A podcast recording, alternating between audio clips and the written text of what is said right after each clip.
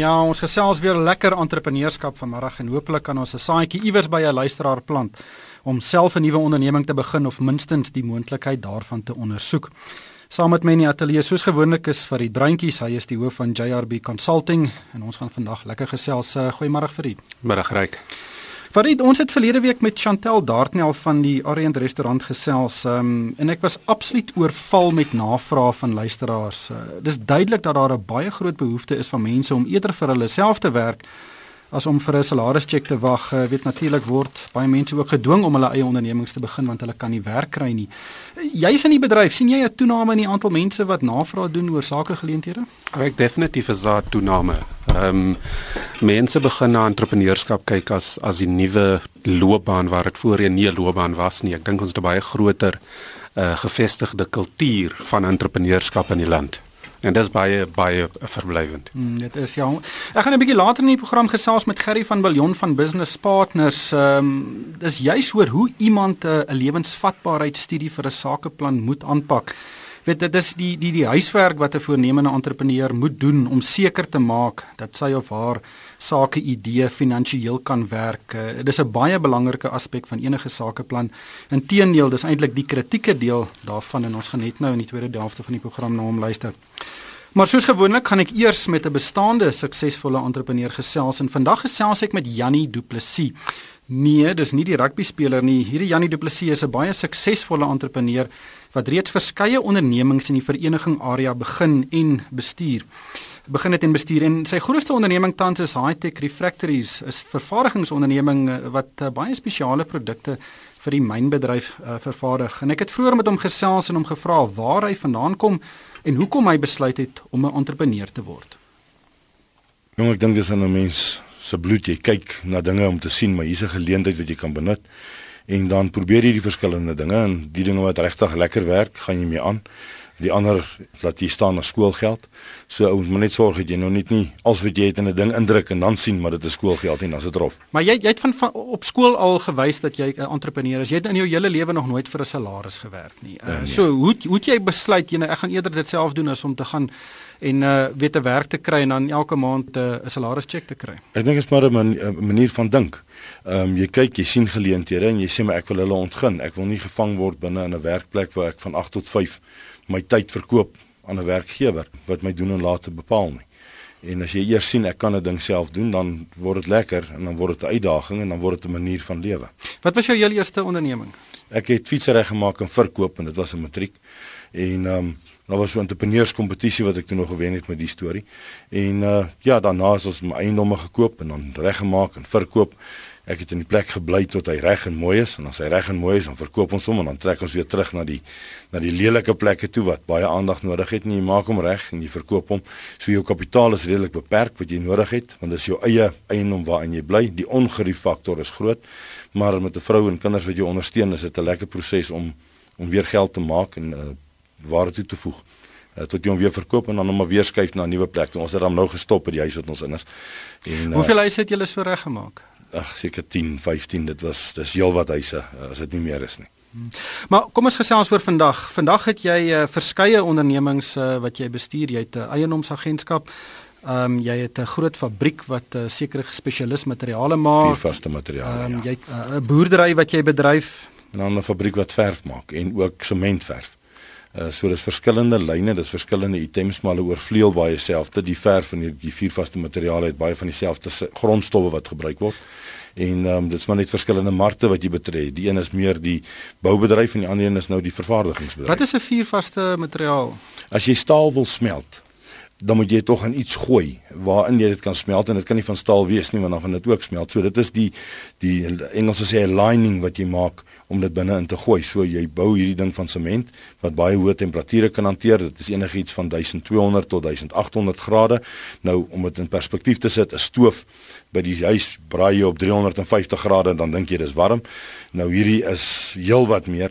Ehm uh, so op 1800 grade gaan enige ding smelt behalwe vuurvaste materiaal en dan moet jy hom so maak dat hy die skokke en die termiese skokke kan hanteer en die kliënt koop hom natuurlik by om te kyk hoe lank kan hy hom gebruik voordat hy opgebruik is of voordat hy te dun is om verder te gebruik. So jy moet heeltyd maar op die voorpunt wees om te sorg dat jou materiaal hou en jou oppositie uh, beter presteer as hulle materiaal. Vertel ons 'n bietjie van die fabriek. Hoe, hoeveel mense werk daar en hoe ingewikkeld is die proses om hierdie materiaal te maak? Enige ding wat wat klaar uitgedink is, is maklik. So om hom daar te kry is is die die die uitdaging van die entrepreneur. Maar daar's omtrent 20 mense wat daar werk, miskien 'n bietjie meer. Ehm um, die goed word afgeweeg, dit word bymekaar gesit, dit word gemeng, dat dit reg vermeng is, dat jy 'n galige vermenging het en dan moet jy seker maak dat die kwaliteit wat uitkom elke slag presies dieselfde is. Met ander woorde, sodat jou eienskappe wat jy gaan hê vir jou eindproduk elke slag dieselfde is.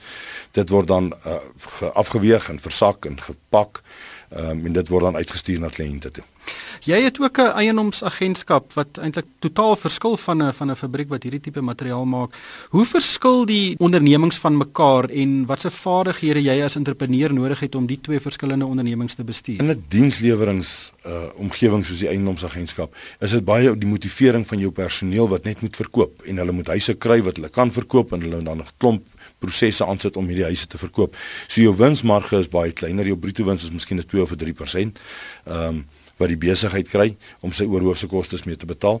Ehm um, terwyl by die vervaardiging industrie is jou is jou kostes baie hoër en jy praat hier's miskien van 'n 20 of 'n 30% bruto wins, maar daarmee het jy baie meer uitgawes in terme van jou oorhoofse kostes, jou vervaardigingskostes, elektrisiteit, personeel, e-tol van die mense wat die wêreld vol ry om jou produkte af te laai, ehm um, kliënte wat moet gesien word. So ja, jou kostestrukture is baie hoër, maar jou winsmarges is meer op die vervaardigingsindustrie. As iemand nou by die huis sit en graag 'n onderneming wil begin, kom ons vat 'n scenario van iemand wat reeds vir 10, 15 jaar lank vir 'n salaris gewerk het en nou wil wegbreek. Wat dink jy is makliker, 'n dienstebesigheid of 'n vervaardigingsonderneming? Die vinnigste wat die meeste mense voorspring is 'n is 'n dienste uh, besigheid, maar ek dink 'n vervaardigingsbesigheid is is inherënt baie meer gesond.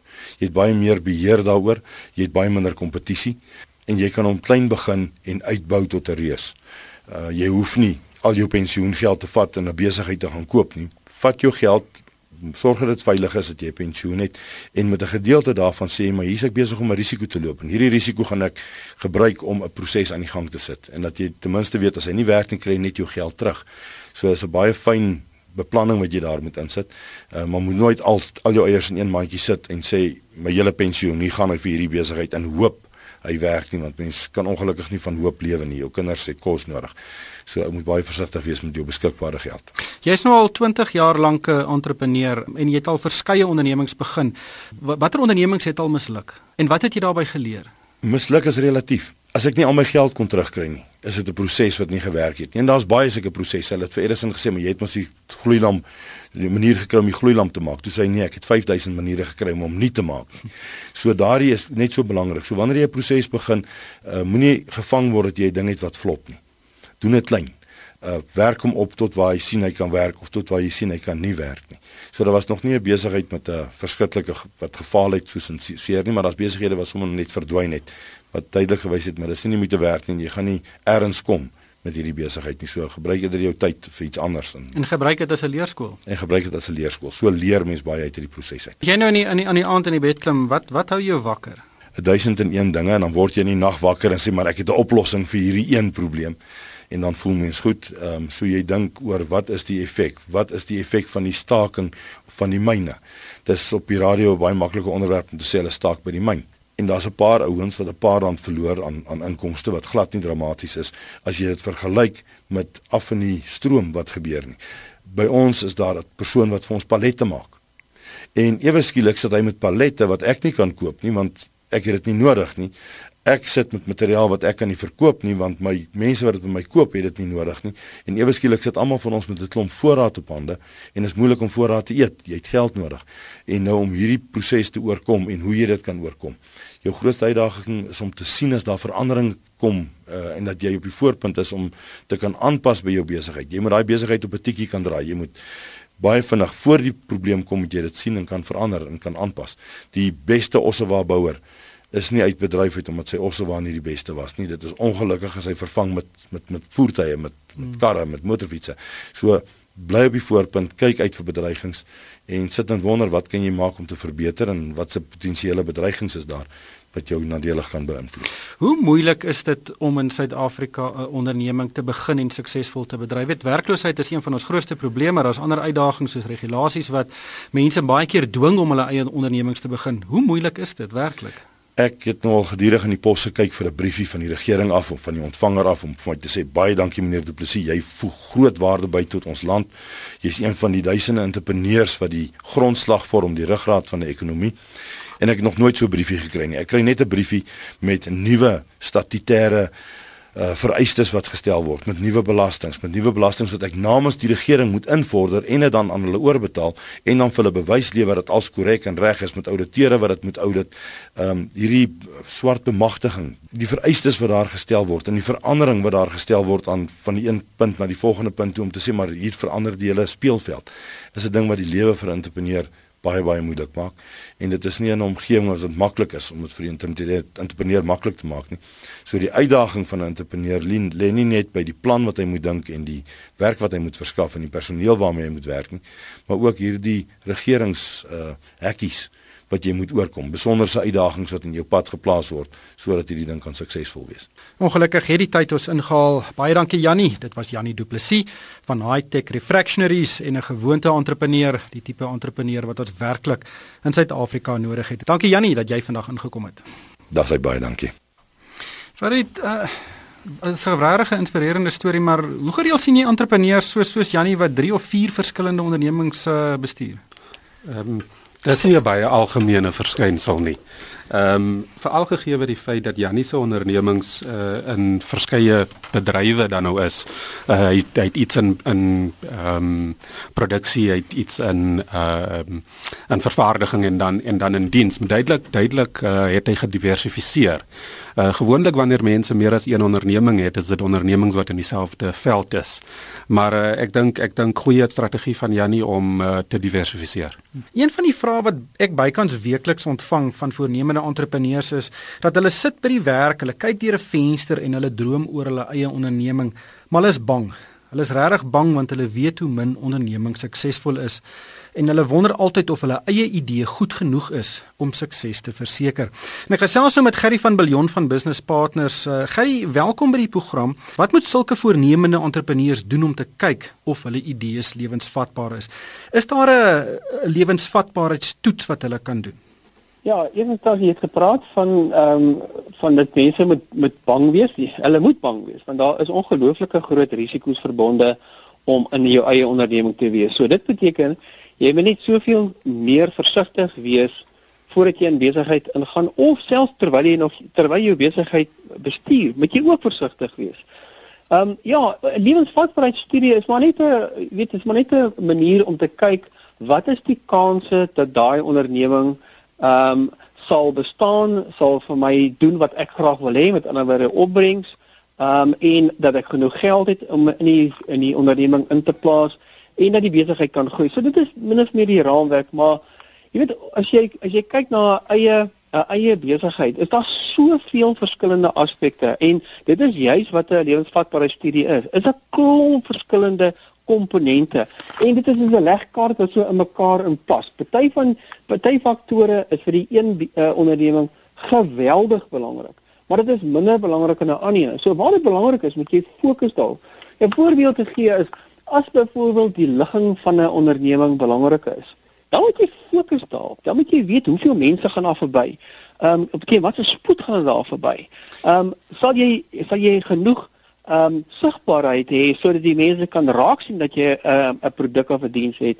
So dit dis nie net 'n enkel 'n uh, item nie. En alhoewel jy daar is verskriklik baie um checklists op hmm. die op die op die op die web beskikbaar. Maar dit is nou soos byvoorbeeld 'n koffiewinkel in 'n winkelsentrum. Jy wil hê waar daar baie voete is eerder as ja. wat in 'n sygangetjie weggesteek is. Ja, absoluut, absoluut. En daar is dit die voorbeeld wat jy gebruik ryk is is is 'n baie goeie een want daar is die is die ligging is absoluut belangrik. Om te sê ek gaan in 'n winkelsentrum wees en jy sê o, oh, in daai en daai winkelsentrum. O oh, ja nee, dis 'n baie goeie sentrum. Maar dit dit gaan baie meer as net dit. Dit moet wees presies waar. Is dit by 'n ingang waar daar baie mense is of is dit by 'n uitgang of is dit waar waar daar ander ehm um, kom ons sê die supermark is, moet jy weet daar gaan voete wees.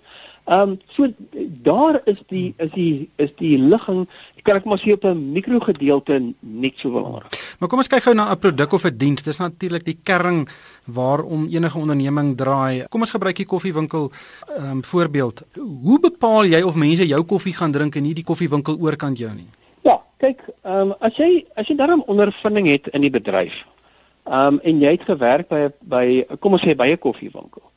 Ehm um, het jy dan 'n redelike goeie idee wat die mense se smaak is. Jy, jy kan natuurlik ander mense ook konsulteer waar wil hulle nou vir jou gaan sê maar hierdie is 'n gewildste produk in Suid-Afrika so ehm um, ek sal voorstel jy moet daai tipe koffie aanhou of daai tipe koffie. Wat natuurlik goeie raad is. Ek sê altyd as jy nie weet nie vra vir 'n verteenwoordiger rep. En hy gaan hy gaan rond en hy vra vra oral waar hy kom. So hy's in 'n baie goeie uh, posisie om vir jou goeie raad te gee maar terug na die vraag toe hoe sal ek weet hulle gaan my koffie hulle gaan van my koffie hou Nou die eerste ding is begin waar waar jy kennis het. As jy weet dat hierdie tipe koffie werk, moenie moenie nie probeer om 'n ander tipe koffie wat wat nog nie getoets is nie of wat dalk te bitter is of nie genoeg gerooster is nie op die mark te sit en helfte van die mense sê maar ek hou glad nie van jou koffie nie. Intussen tyd dink jy jy doen hulle guns of jy probeer 'n alternatiewe produk op die mark sit wat vir jou 'n uh, ander voordeel gaan gee. Begin by iets wat jy weet wat werk. En dit geld nie net vir kos nie, dit geld vir enige tipe besigheid. Moenie probeer om die wiel van voor af uit te vind nie. Jy kan die wiel uitvind soos wat jy aangaan waar jy kan agterkom goed maar uh, daar is 'n mark vir 'n ander tipe koffie ook. Maar begin by die basis. Vorm die basis eers voordat jy aanbeweeg na die volgende net. Gerry, hoe bepaal jy die finansiële lewensvatbaarheid? Hoe werk jy uit hoeveel koffies moet jy verkoop om geld te maak? Ja, kyk dis die die fin, uh, finansiële ontleding is 'n proses. Ehm um, dit begin by die kosteberekening waar jy moet jy moet weet hoeveel kos daai koffie jou. Ehm um, want op die einde dag moet jy weet vir elke koppie koffie wat jy verkoop, maak jy soveel wins. Dis dis die vertrekpunt.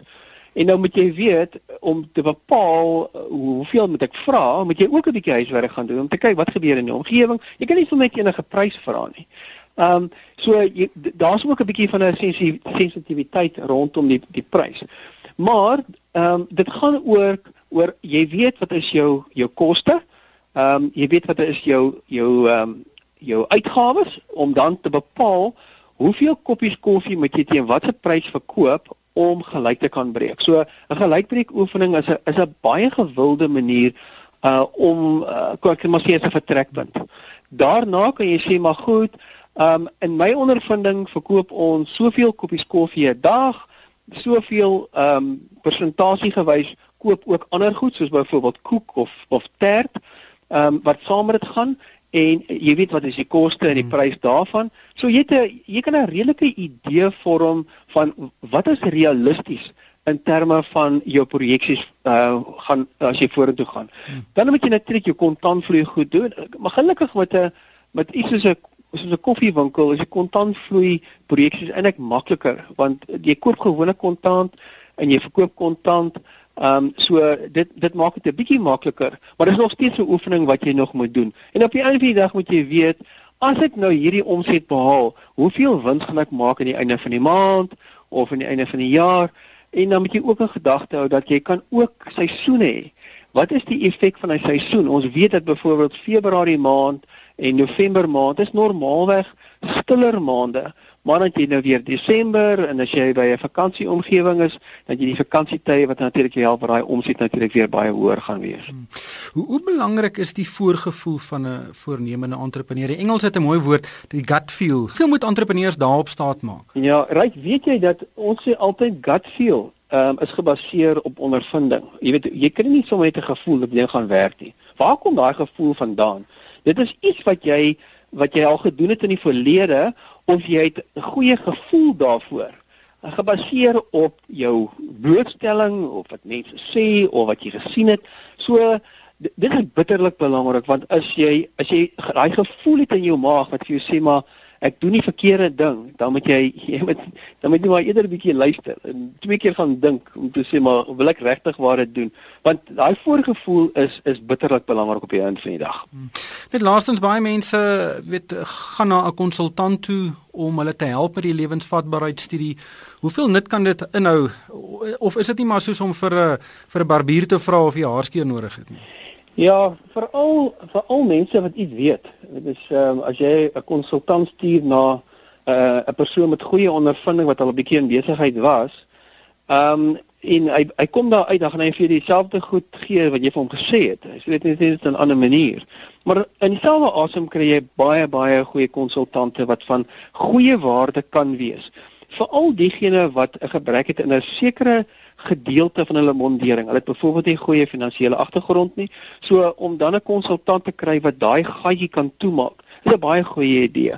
Of wat ek baie van hou is om konsultante te gebruik wat van die industrie afkom, wat die industrie baie goed ken, wat vir jou kan sê, hulle stap daar in en vir jou sê, daai koffie wat jy verkoop, jy verkoop dit die verkeerde plek. Of die koppies wat jy gebruik is te klein of te groot, dan dan het jy waarde. Maar iemand wat net kom sit en sê, Uh hoe voel jy hieroor? Wat dink jy moet jy maak? Het jy al daar gedink? Is nie goed genoeg nie. Dit moet 'n konsultant moet met waarde na jou toe kom sodat jy op die einde van die dag iets daai kan kry. Hoeveel tyd moet 'n entrepreneur of 'n voornemende entrepreneur spandeer aan so 'n lewensvatbaarheidstudie? Jo, weet dit dan of ons het al gesien dat dat mense 6 en 7 maande werk aan 'n aan 'n lewensvatbaarheidstudie voordat hulle in, in besigheid uh ingaan. En as jy nou vat groot projekte daar buite, groot projekte vat jare se beplanning. En en daai beplanning is niks anderster as 'n as 'n lewensvatbaarheidstudie wat hulle op die einde dag bymekaar sit. So daar is nie 'n goue ek dink nie daar's 'n goue uh antwoord om te sê jy behoort 30 ure of 40 ure te spandeer nie. Ek dink baie mense met goeie ondervinding kyk net na 'n paar belangrike goed.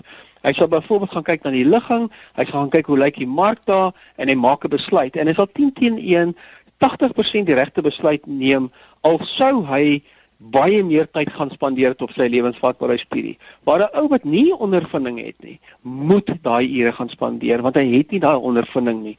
En ek sê altyd as jy nie ondervinding het nie, maak seker dat jy gebruik mense wat jou kan help daarmee. Wat klaar daai paadjie geloop het, wat klaar die merke hier agter op hulle rug het van die pyn wat hulle al moes vat in die in die uh in die in die verlede. So maak gebruik van ouens wat werklik waar spesialiste is op hulle gebied en en industrie 'n industrie mentors as ek dit so mag stel is goud werd. Dankie Gerry, dit was Gerry van Billion van Business Partners. Farid, ja, dis 'n baie interessante gesprek daai ook met Jannie, maar het verskeie SMS'e deurgekom wat sê hulle het reeds 'n klein, weet, huishoudelike tipe besigheid begin, ehm um, wat weet, met 'n gesukkel kom hulle elke maand uit. Maar die die die die die die groot vraag is hoe kan jy daai klein onderneming wat jy in 'n huis het uh, groter maak sodat dit heelwat meer geld maak en heelwat meer lewensvatbaar is? Ek dink jou eerste ding is jy moet gaan kyk na of jy 'n mark het gaan kyk of jou bestaande kliënte meer kan koop of of dan of jy addisionele kliënte kan bykry. Dit behoort jou peiling te gee van jou omset en dan kan jy die besluit neem om groter te gaan. Maar daai lewens weet jou jou gevoel oor gut feel, weet uh, hier is 'n een SMS wat sê die persoon moet op 60 aftree. Ehm um, hulle 30000 rand sê ek neem aan neem ek aan van die pensioengeld gebruik en begin met 'n onderdele besigheid. Nou is dit 6 jaar later en die voorraad is amper 'n kwart miljoen rand dit dit, dit dis 'n tipiese van 'n progressie van hoe jy daai onderneming uitbrei. Ja, ek ek dink dit's 'n tipiese geval van iemand wat 'n geleentheid gesien het. Ehm um, nie oor, oorwegend afhanklik was van die besigheid om inkomste te verdien nie. Uh en hy kon dit ordentlik gaan groei en ontgin. Ja, maar die feite realiteit is ook dis ook nie altyd jy begin 'n besigheid en is suksesvol nie. Daar's altyd maar donderwolke op die op die horison en jy moet vasbyt. Ehm um, maar wanneer hoe hoe neem jy die besluit om te sê luister hierdie werk nie heeltemal nie? Ek dink dit gaan maar oor ehm um, die emosie uit die besluit uitneem. Ek dink wanneer mense besigheid begin, is jy bietjie emosioneel. Jy wil wys dat dit kan werk, maar op 'n stadium moet jy na die ding kyk sonder enige emosie. En dit help jou baie keer om 'n paar eksterne mense in te kry om vir jou ordentlik uh, raad te kan gee. Net laastens so in jou ervaring, hoeveel mense wat vir 'n salaris gewerk het en dan besluit ek gaan my eie besigheid begin maak 'n sukses daarvan. Ehm um, reik ek nie spesifieke statistiek oor dit nie, maar daar is statistiek wat wys dat tot 4 uit 5 ondernemings dit nie maak tot by 5 jaar nie. Ehm um, en dit is nogal baie hoog. Hmm, ja, ongelukkig het die tyd ons ingehaal en daarmee is dit groetheid. Baie dankie aan Fried Bruintjies van JRB Consulting. Dankie dat jy ingekom het. En doen jou eie ding is weer terug op 23 Desember. Dankie vir die saamluister.